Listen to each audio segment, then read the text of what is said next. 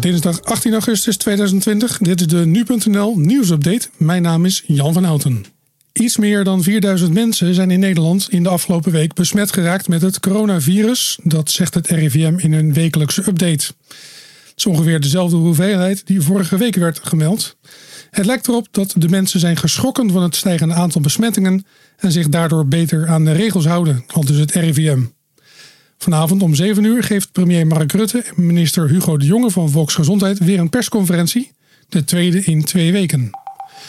Ondanks de kritiek is de coronamelder-app al meer dan 400.000 keer gedownload. Deze app kan zien of je in de buurt bent geweest van een besmet persoon. De app kwam maandagochtend online en werkt vooralsnog alleen in Drenthe, Overijssel en een deel van Gelderland. Maandagavond waarschuwde de autoriteit persoonsgegevens nog om de app niet te gebruiken. Eerst moeten er duidelijkere afspraken worden gemaakt met Apple en Google over de data die de app verzamelt. Het duurt langer voordat gedupeerden van de toeslagenaffaire hun geld krijgen. Het echt helpen van gedupeerde ouders om hun leven weer op orde te krijgen blijkt complexer dan gedacht. Zo schrijft staatssecretaris Alexandra van Huffelen van Financiën dat vandaag in een brief aan de Tweede Kamer. De bedoeling was om in september grote aantallen ouders opnieuw te beoordelen, maar dat is nu onverantwoord. Er wordt wel prioriteit gegeven aan ouders die in schrijnende situaties zitten. En zwemmen in de Noordzee langs de kust van Den Haag is niet aan te raden vandaag. Door de grote stroomstoring van gisteren is er rioolwater in zee geloosd. De waterzuiveringsinstallatie werkte gisteren niet door de storing die 8 uur zou duren.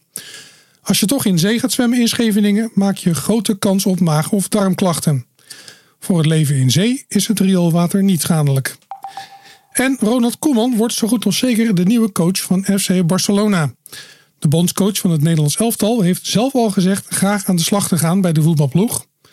Barcelona zette gisteren de huidige trainer op straat na de 8-2 nederlaag tegen Bayern München.